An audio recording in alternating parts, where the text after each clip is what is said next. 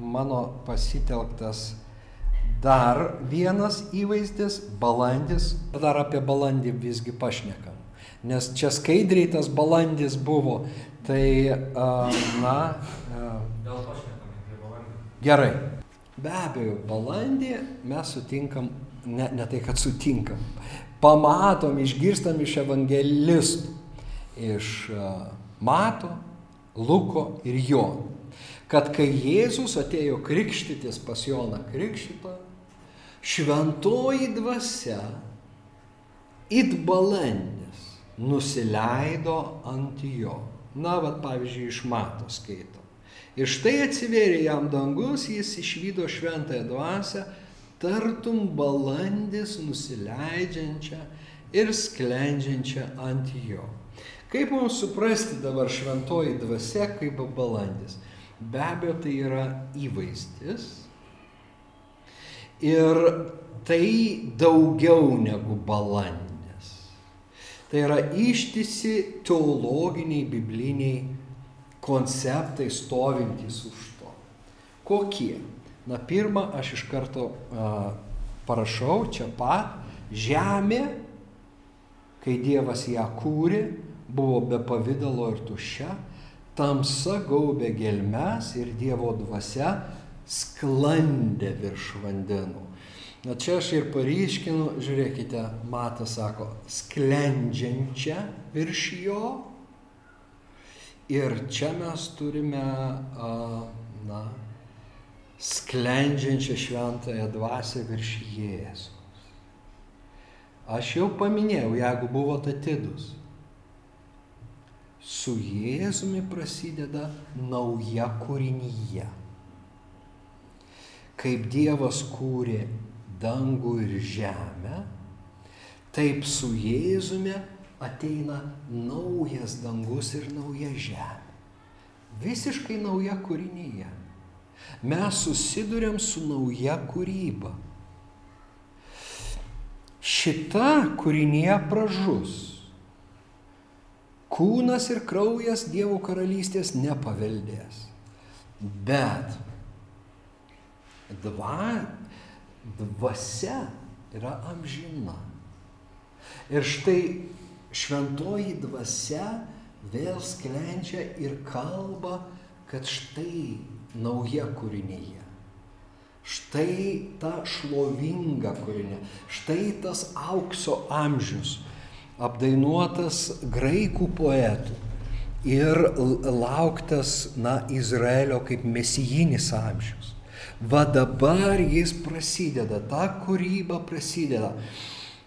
Šita sąsaja, kad tai yra, na, naujo, naujos Dievo kūrybos pradžia. Štai ką balandis kalba. Matot, net nepagalvotum, bet būtent tokios biblinės šio įvaizdžio reikšmės, prasmės paslėptos. Kita be abejo ateina iš aštunto pradžios knygos skyriaus, nes čia jau Nojus arkoj mm, išleidžia balandį, norėdamas sužinoti, ar vandenys jau nusekė žemės paviršiai. Vakare balandis sugrįžo laikydamas snape šviežiai nuskintą alyvmedžio lapą. Taip Nojus sužinojo, kad vandenys nusekė ant žemės.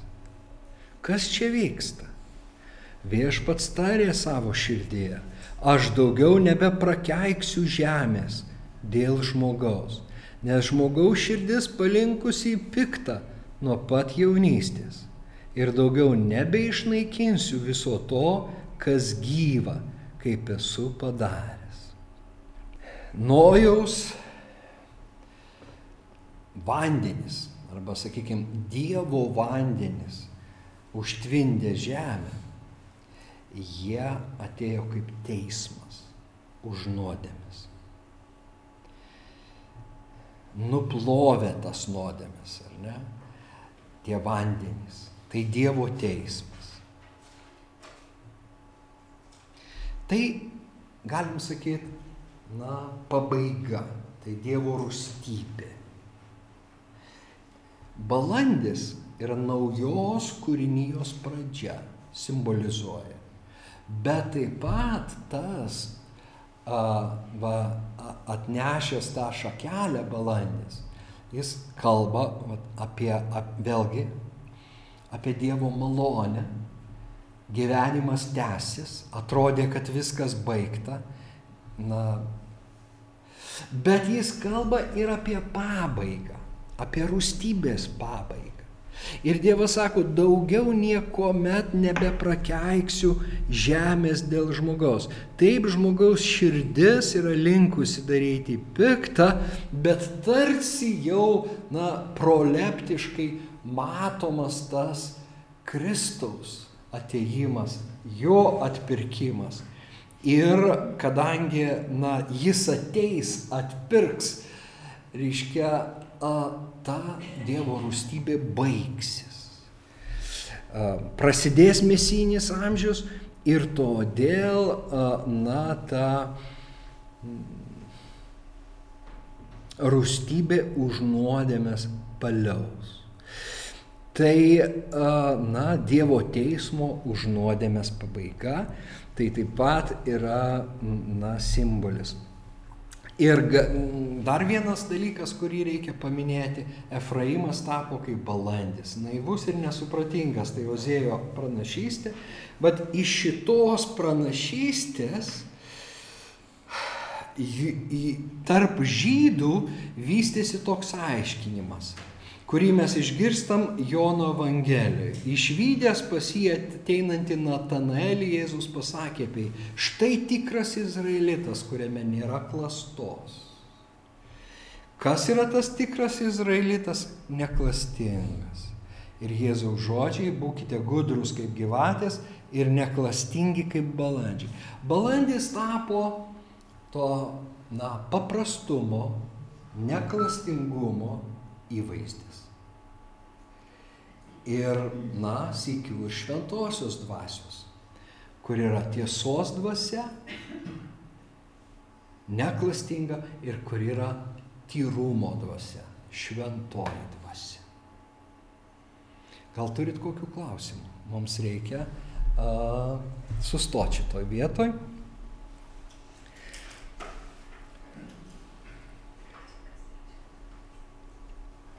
Bet gyvatė yra toksai kaip e, blogio simbolis.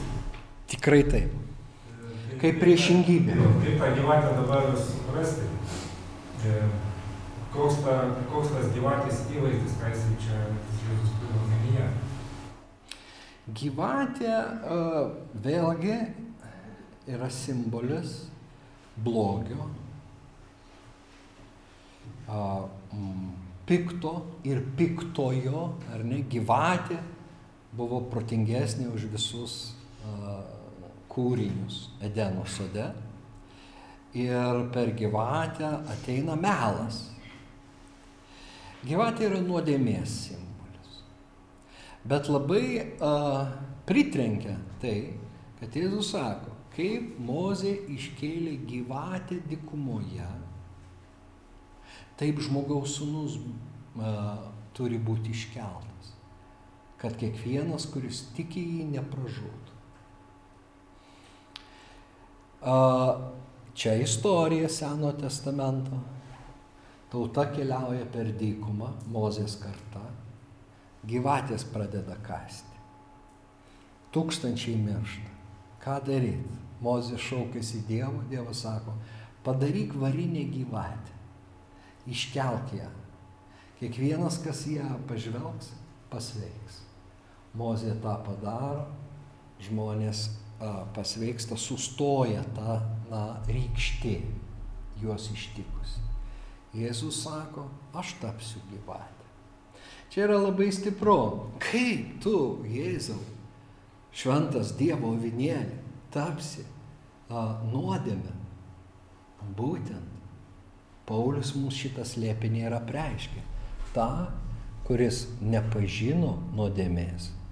Dievas padarė nuodėmę dėl mūsų. Dėl mūsų. Kada? Jėzus gali būti nepažinęs nuodėmės, ją žino. Ant kryžiaus. Ne, jis jos nepažino, jis nenusidėjo, jis nepadarė nuodėmės. Tik todėl jis ir galėjo mūsų atpirkti. Nes jis vienintelis nuodėmės nepadarė. Jeigu jis padarytų nuodėmę, jis nebegalėtų mūsų atpirkti. Bet kadangi jis be nuodėmės, jis tampa tobulą auką atpirkimu. Ir žiūrėkime, ant kryžiaus, na, iškeliam, ne, virš žemės, jisai pakimba, tarsi Mozės ta gyvatė, kad kiekvienas, kas žmogus, pažįstas gyvatės, blogio mūsų kandžioje. Nuodėmė mūsų kandžioje, mūsų lošina žmogų. Kokia išeitys? Aš žiūriu į tą iškeltą gyvatę. Reiškia, būtent balandžio priešingybė, simboliškai. Ir ateina sveikata, ateina išgelbėjimas. Čia vat yra ta biblinių simbolių kalba, kuri mums padeda suvokti Dievo slėpį dar vieną klausimą norėčiau užduoti. Tai iš pradžių žmonėms leidžia mirti, o paskui juos jau išgelbėja. Tai kaip suprasti, ir leidžia mirti, mm ir išgelbėja. Ja. Pačiai tautai iš pradžių leidžia mirti, Taip. paskui duoda gelbėjimą. Taip. Tai kodėl toksai žaidimas įvyko, kodėl leido? Iš Dievo pusės, ar ne? Iš Dievo pusės. Ja. Ne tik, tai, ne tik su Mozės karta šitas žaidimas, jeigu jau mes taip įvardinsime, jis vyksta per visą žmonijos istoriją. Taip, taip. Nuo pat, nuo pat sukūrimo pradžios, nu, Dievas leidžia a, Adomui ir Jėvai nusidėti. Mes tai vertinam, kad žmogaus gyvybę reikia saugoti, mm. reikia gelbėti, o čia Dievas man mirkit, paskui jums gelbėjimas. Taip. Nu, kaip taip. vertinti tą visą gyvybės brandumą, kaip suprasti tą Dievo poelgį yra panašiai. Taip. Čia, e, koks tavo vardas? Armandas. Armanas? Taip, Armandas. Armandas.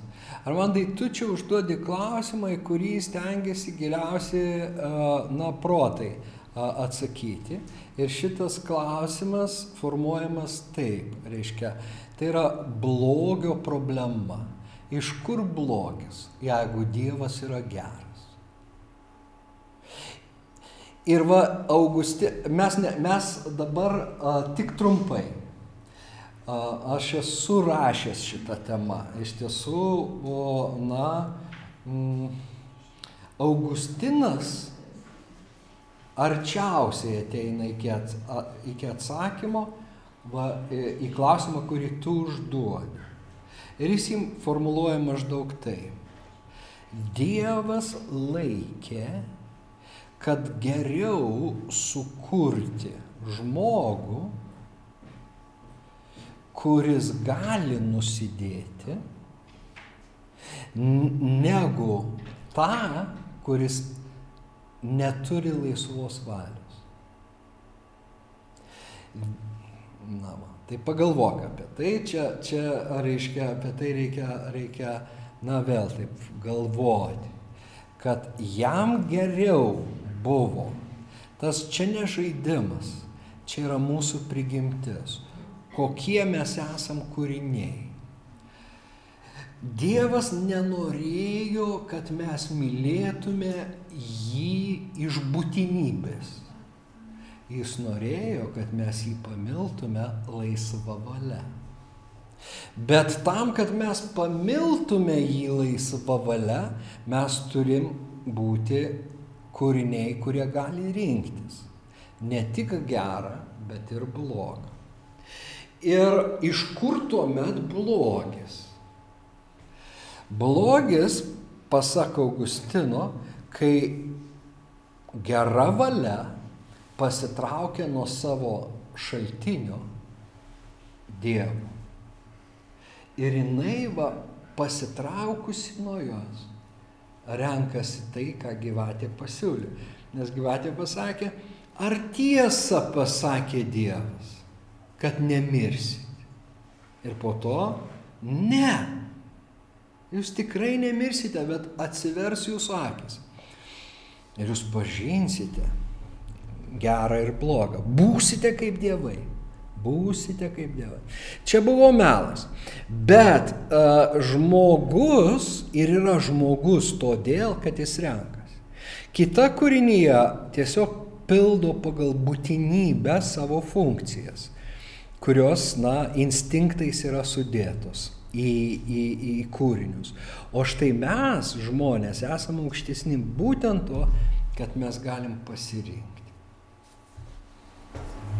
Tai manau, kad tie žmonės, kurie gyveno iki gyvatės iškėlimo, yra tokie patys, kurie gyveno po gyvatės iškėlimo. Ir jų, tas, ta prasme, jų vertė, jų sugebėjimai, jų atsakomybė prieš Dievą lygiai tokia pati. Be abejo. Tik tai ta gyvatė buvo kaip iškelta kaip auklėjimas tolesniems žmonėms.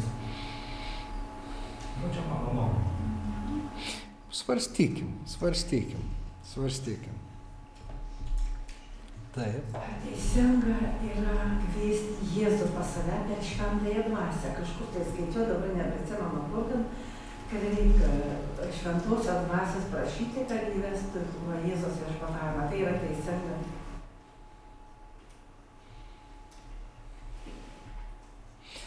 Gal dar atidėkim šitą atsakymą. Dar mes kalbėsime, dar kažkiek, kaip, ką mes pamatėme šitos įžanginės paskaitos.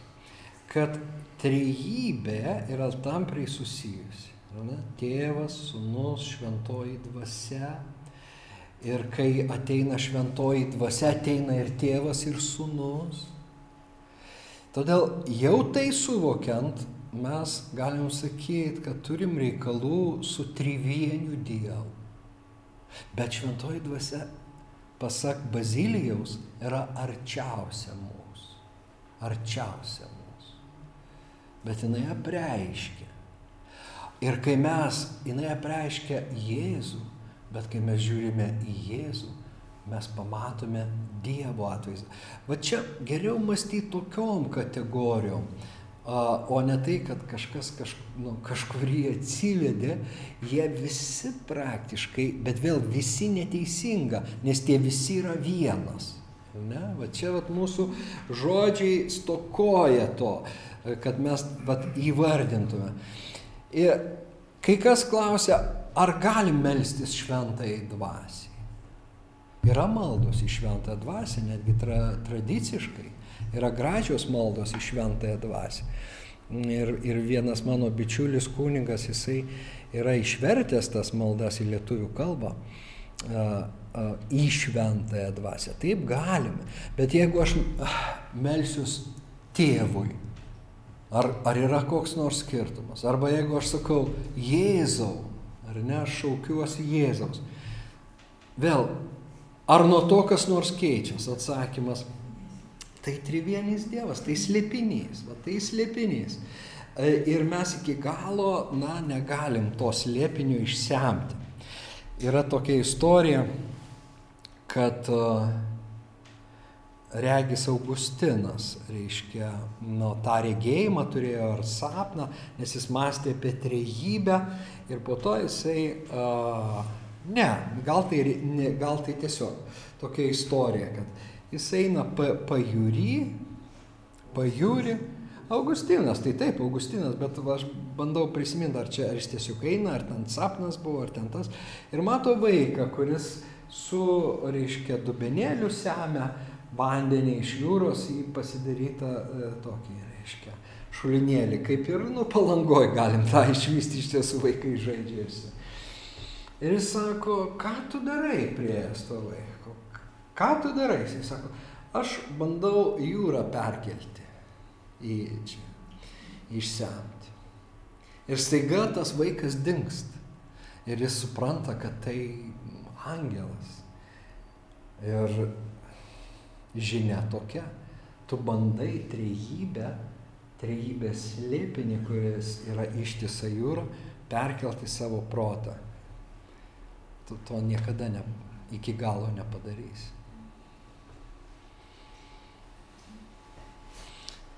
Pailsėkime.